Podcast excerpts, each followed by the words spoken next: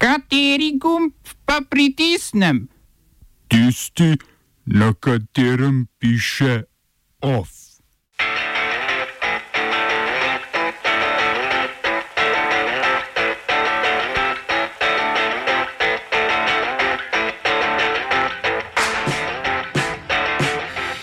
Turčija blokirala dostop do javnih medijev Saudove Arabije in Združenih arabskih emiratov. V Izraelu demonstracije proti poteku koalicijskih pogajanj in kriznim ukrepom. V Braziliji proti karanteni protestira tudi predsednik. V kulturnih novicah 25 let od prve uprizoritve gledališke predstave Projektil Nordung 1995-2045.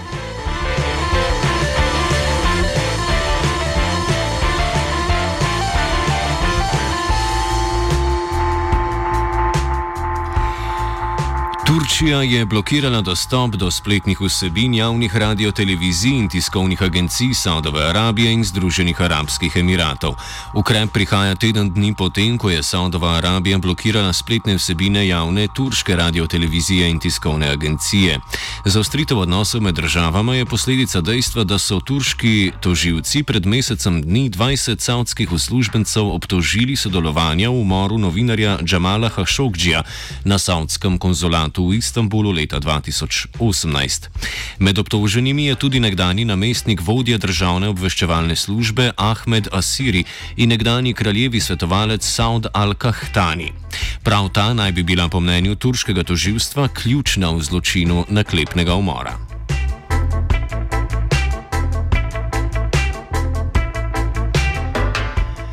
Venezuelski minister za zunanje zadeve Jorge Areaza je obsodil transakcijo v vrednosti okoli 350 milijonov dolarjev z računa Venezuelske centralne banke pri ameriški Citibank na račun nacionalne skupščine. Gre za nekdaj zakonodajno telo v rokah opozicije pod vodstvom samooklicanega predsednika Juana Guaidoja, ki pa ga vlada de facto ne priznava za legalno. Kljub temu je nacionalna skupščina avtorizirala prenos sredstev na svoj bančni račun, oblasti Združenih držav Amerike, ki podpirajo Guaidoja in opozicijo, pa so ga odobrile. Sredstva centralne banke na računu pri Citibank so bila sicer zaradi ameriških sankcij zamrznjena. Njihov prenos na račun strani vlade nepriznanega telesa je centralna banka že označila za nelegalen. Ameriška vlada je v preteklosti sicer že večkrat premestila sredstva venezuelske države, ki so se nahajala na računu bank v Združenih državah na račun Juana Guaidoja, denimo sredstva Ameriške podružnice venezuelskega državnega naftnega podjetja PDVSA.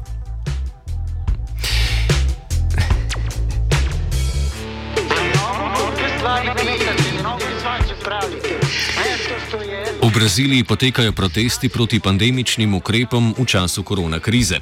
Protestniki, ki so na ulice Rio de Janeiro, São Paula in glavnega mesta Brazilija prihrumeli z najrazličnejšimi transportnimi sredstvi, naslavljajo guvernerje zvezdnih držav naj umaknejo restriktivne ukrepe, s katerimi so podjetja prisilili, da so v času pandemije zaprla svoja vrata. Protestnikom se je pridružil tudi predsednik Jair Bolsonaro, ki je prav tako močan kritik ukrepov ostani doma, saj ga bolj kot virus skrbi gospodarska škoda. Dan pred demonstracijami je odpustil zdravstvenega ministra Luisa Enrikeja Mandeta, saj nista soglašala glede ukrepov. Na mesto predsednika situacijo vsaj znotraj favel nadzirajo kriminalne tolpe, ki skušajo zagotoviti karanteno prebivalcev. Podobno je ameriški predsednik Donald Trump podprl ameriške protestnike, ki nasprotujejo karanteni in z objavami na Twitterju pozval k osvoboditvi zvezdnih držav v karanteni.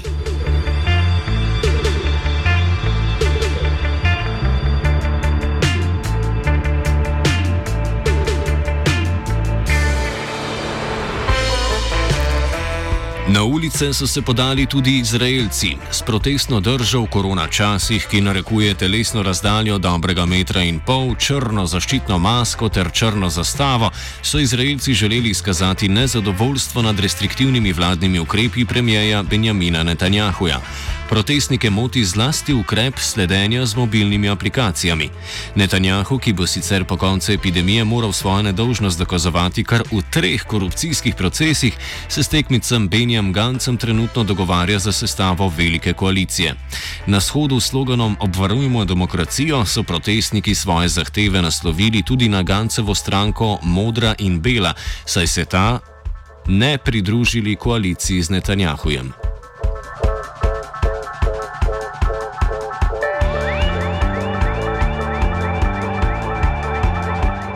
Nemški mediji Süddeutsche Zeitung in švicarski mediji Luzerner Zeitung sta s pomočjo neimenovanega vira razkrila identiteto do zdaj neznane osebe na skrivnem srečanju s predsednikom Mednarodne nogometne zveze FIFA Giannijem Infantinom v Bernskem hotelu leta 2017.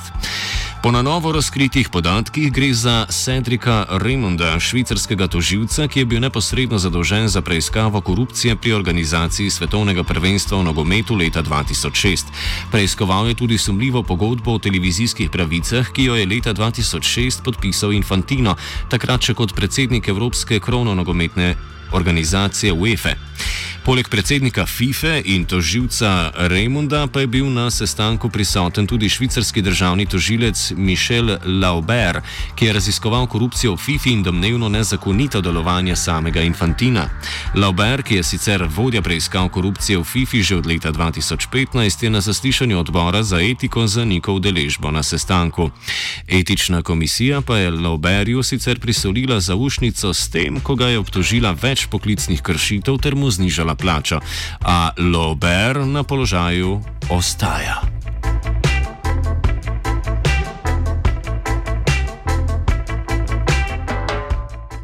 Oba, če, če bom odgovoril na angliški. Slovenija will try to help. Uh, we can. Slovenija will. Uh, and we will. Do our utmost. To say that the situation is. Our problem ourselves. And uh, we will. Uh, make further steps as soon as the conditions are. Bomo vlado Marjana Cerera Šarca podprli. Very, very serious. News from Slovenia. We know how and we will. Stranka Levica je pripravila zahtevo za ustavno presojo prvega paketa protikoronskega zakona, ki jo na ustavno sodišče vlaga skupaj z opozicijskimi strankami LMŠ, SD in SAB. Spornost paketa zakona se nanaša predvsem na 9. in 103. člen, ki se vežeta na policijska pooblastila in prepoved medobčinskega gibanja. Odločitev Levice komentira njen poslanec Matej Vatovec. Tako da smo že pri uh, sprejemanju tega prvega protikorona paketa jasno zastrigli z ušesi, ko se, so se napovedovala dodatna policijska pooblastila.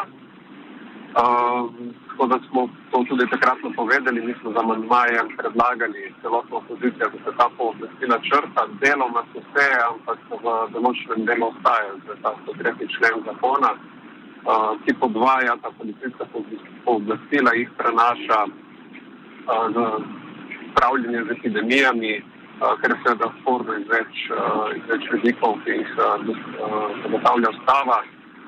Ob tem so se pojavili tudi nedopustni posegi v zakon o nalezljivih boleznih in precejšnja zmeda, ki je tudi trajna, ne gre za interventen ukrep, ampak trajno spremembo zakona ki popolnoma brez kakršnih koli kriterijev prenaša pristojnosti zdravstvene, zdravstvene inšpekcije na druge področne inšpekcije, teh je približno 20 v Sloveniji in je tudi z tega vidika to zelo sporno.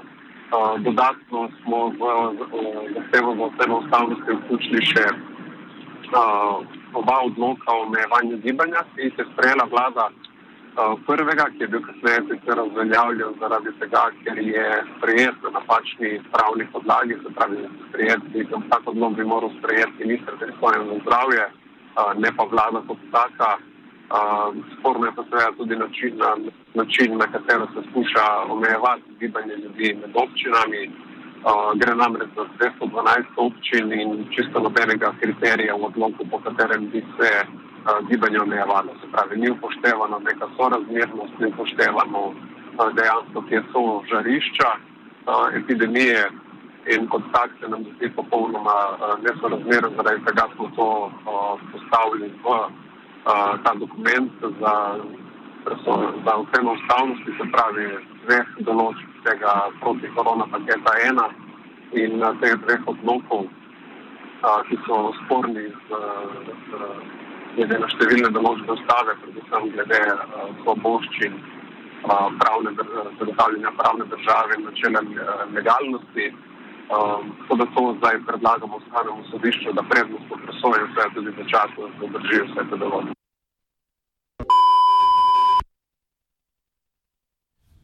Zdravstvo. Znanstvena redakcija sporoča. Pri novem koronavirusu imajo države na voljo dve opciji: zajezitev in ublažitev. Zajezitev naj bi zaustavila širjenje virusa po skupnosti, ko to ni več mogoče, pa nastopi ublažitev zaprtjem šol, zaustavitvijo potovanj, sledenju pravilom distanciranja in podobno. Evropske države so bile na prihod virusa nepripravljene in ukrepanju neusklajene, zato so bile tudi tiste, ki so bile na udaru prve, naprimer Italija in Španija, neuspešne pri prvotni zajezitvi širjenja virusa. Trenutno večina držav počasi sprošča ukrepe, a ni jasno, kaj sledi: zajezitev ali kolobarjenje med sproščevalnimi ukrepi in strogimi ukrepi za ublažitev. Kako efektivno izpeljati zajezitev, pa demonstrira Nova Zelandija, ki že od samega začetka sprejema ustrezne ukrepe.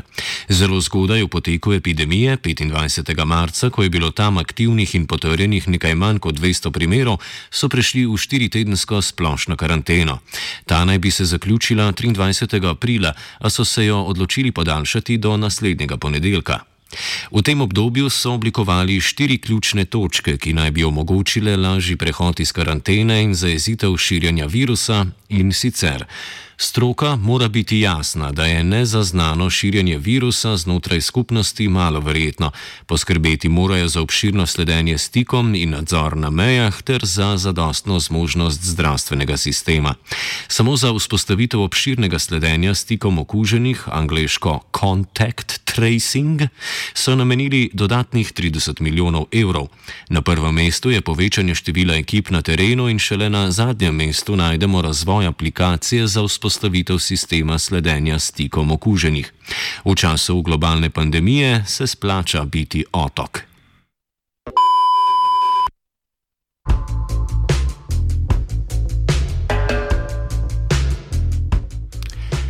OF sta v sodelovanju z znanstveno redakcijo pripravili vajenka Magdalena in